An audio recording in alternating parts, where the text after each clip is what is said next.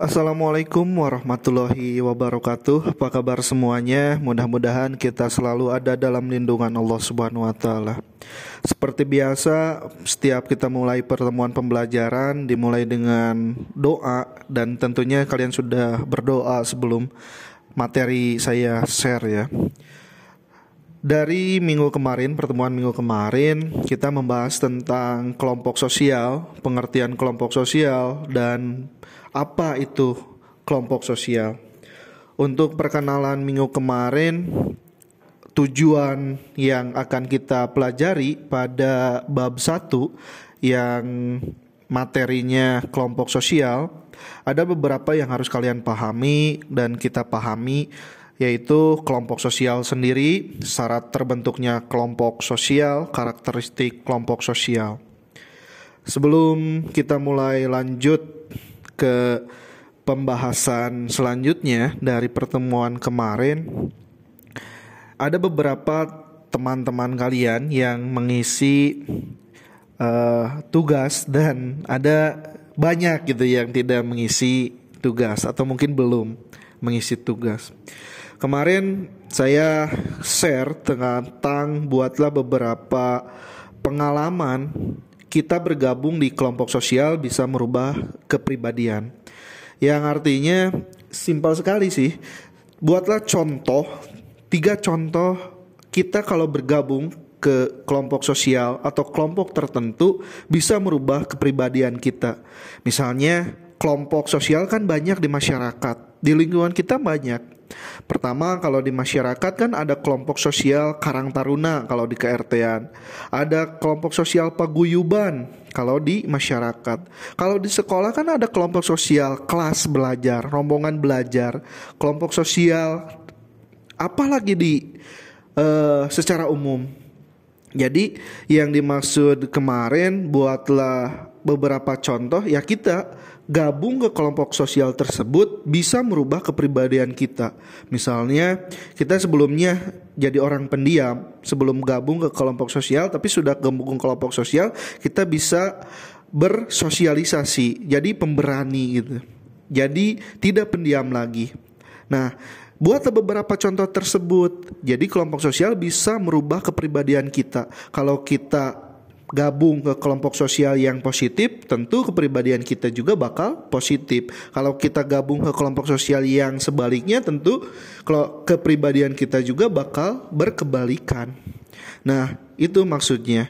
Ada beberapa teman kalian yang sudah uh, sesuai dan ada beberapa teman kalian yang belum sesuai. Dari beberapa kelas IPS 1 dan IPS 2 yang menjawab kemarin ngisi Google Form uh, saya akan kasih nilai plus dan yang mas belum saya harap pertemuan selanjutnya bisa eh, berpendapat tentang materi yang kita bahas.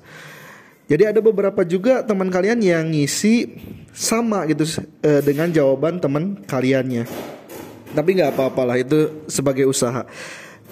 Alangkah lebih baiknya yang jawaban sama itu bisa diperbaiki lagi. Zakumullah untuk semuanya. Mungkin itu sedikit pembahasan dari minggu kemarin. Untuk minggu sekarang, kita akan membahas bagaimana syarat terbentuknya kelompok sosial. Syarat kelompok sosial, keterkaitan manusia satu dengan yang lain merupakan pemenuhan kebutuhan yang diwujudkan dengan membentuk kelompok-kelompok sosial atau social group. Kelompok-kelompok sosial tersebut merupakan himpunan atau kesatuan-kesatuan manusia yang hidup bersama. Apakah setiap kelompok manusia dapat disebut sebagai kelompok sosial?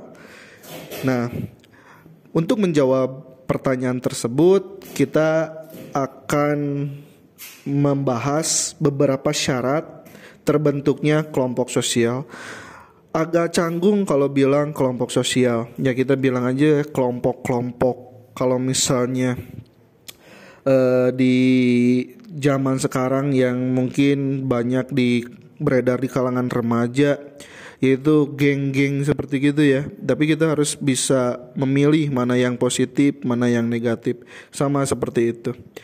Syarat terjadinya sebuah kelompok sosial yang pertama, setiap anggota kelompok harus sadar bahwa dia merupakan sebagai sebagian kelompok yang bersangkutan. Jadi kalau misalnya kita ambil contoh, kalian masuk ke kelompok sosial kelas 11 IPS. Kalian itu harus sadar bahwa kalian itu bagian dari kelas 11 IPS. Jadi itu masuk sebuah syarat pertama.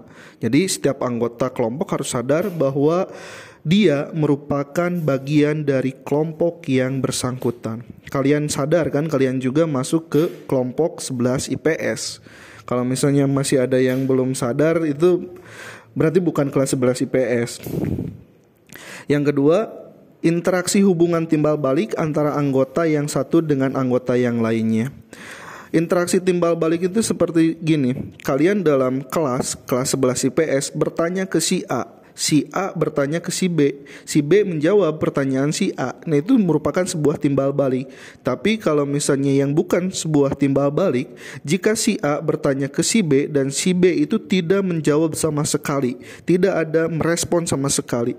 Buat apa sebuah kelompok itu dibuat kalau misalnya kita tidak ada interaksi? Interaksi timbal balik. Nah, kita bisa dinalarkan atau kita bisa dibayangkan bagaimana interaksi timbal balik tersebut. Kita ambil contoh di kelas kalian, uh, kita si A bertanya ke si B. Nah seperti itu tadi contohnya. Jadi harus ada interaksi hubungan timbal balik antar anggota. Yang ketiga, ada faktor yang dimiliki bersama seperti nasib yang sama, kepentingan yang sama, tujuan yang sama, ideologi politik yang sama, dan lain-lain. Sebuah kelompok disebut sebagai kelompok sosial apabila memiliki sebuah faktor khusus di dalamnya, misalnya memiliki nasib serupa atau kesamaan, tujuan hidup dan cita-cita dengan teman dekat, kesamaan karakter fisik atau ideologi politik, serta persamaan apa pun yang mempererat ikatan antar individu dalam kelompok sosial. Kita ambil contoh lagi di kelompok sosial 11 IPS. Kalian mempunyai tujuan yang sama, mempunyai kesamaan yang sama. Kesamaan yang sama di sini yaitu adalah kesamaan memilih jurusan IPS. Memiliki ideologi, memiliki pandangan yang sama di kelas IPS. Tidak menutup kemungkinan di kelompok sosial 11 IPS juga terbentuk kelompok sosial-kelompok sosial kecil lainnya. Nah, nanti kita akan bahas tentang itu. Terus yang keempat, berstruktur, berkaidah dan mempunyai pola perilaku. Dalam sebuah kelompok sosial terdapat sebuah struktur tersendiri. Hal ini memungkinkan setiap anggota untuk mendapatkan peran, fungsi, dan bahkan kedudukan hierarki yang jelas. Berstruktur tentu sangat jelas di kelas 11 IPS ada strukturnya dimulai dari wali kelas, KM, wakil KM, sekretaris bendahara, dan seksi-seksi bidang lainnya sesuai dengan porsi dan amanah tersendiri. Jadi kelompok sosial harus berstruktur. Nah kalian 11 IPS ini jadi sebuah kelompok sosial masuk syarat ke kelompok sosial karena kelas 11 IPS ini adalah yang mempunyai struktur tersendiri. Terus yang ketiga bersistem dan berproses. Karena setiap kelompok sosial memiliki sebuah tujuan yang sama, akan tercipta norma-norma atau peraturan. Terbentuknya norma atau peraturan yang tegas dalam setiap kelompok sosial bukanlah tanpa tujuan. Seluruh norma atau peraturan tersebut haruslah ditaati oleh setiap individu demi tercapainya tujuan bersama dari kelompok tersebut serta tujuan pribadi. Tentu sangat jelas kelompok 11 IPS ini masuk syarat menjadi sebuah kelompok sosial karena bersistem dan berproses, mempunyai sistem, mempunyai aturan, norma-norma yang harus kalian taati. Aturan-aturan tersebut misalnya kalau misalnya di kelas IPS tersendiri aturannya harus mentaati peraturan yang ada di dalam kelas jangan mengganggu satu sama lain misalnya seperti itu kan aturan-aturan khas yang ada di kelas IPS tersebut. Nah seperti tersebut kita bisa menjawab apakah kelas 11 IPS ini adalah sebuah kelompok sosial? Tentu jawabannya ya karena memenuhi syarat-syarat yang disebutkan tadi tentang terbentuknya sebuah kelompok sosial. Yang pertama kita bahas lagi, setiap anggota harus sadar, interaksi timbal balik, ada faktor yang dimiliki tujuannya yang sama.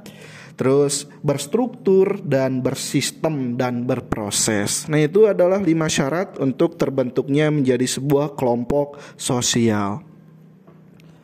Untuk pertemuan sekarang dicukupkan sekian dan tugasnya mungkin nanti nyusul di grup. Uh, dalam tugas ini kalian jangan terberatkan atau terbebani dengan tugas dan timbul beberapa beribu alasan gitu ya untuk tidak mengerjakan tugas tersebut. Pertama, singkirkan rasa malas yang ada dalam diri kalian karena dunia ini bukan berjalan tapi berlari. Jika kita tetap berjalan, kita akan tertinggal oleh orang yang lain. Misalnya kalian uh, memelihara rasa malas tersebut kalian memelihara rasa ingin ah santai aja nanti juga bisa. Ah santai aja nilai mah tidak perlu. Karena kalau misalnya kalian mempunyai jiwa tersebut ya teman kalian yang berlari kalian susah untuk mengejarnya. Jangan sampai ada kata ah, menyesal di akhir. Untuk belajar itu dalam sekolah kita belajar un bukan untuk mengejar nilai tapi untuk mengejar ilmu. Nilai bisa kita ambil dari mana pun, misalnya ulangan. Karena kalian niatnya mengejar nilai, kalian bisa mencontek, bisa bertanya kepada teman. Tapi kalau niat kalian untuk mencari ilmu, tentu kalian akan belajar karena untuk mencari ilmu tidak bisa didapat untuk dari mencontek. Uh, mudah-mudahan kita selalu ada dalam lindungan Allah Subhanahu wa taala, sehat selalu dan assalamualaikum warahmatullahi wabarakatuh.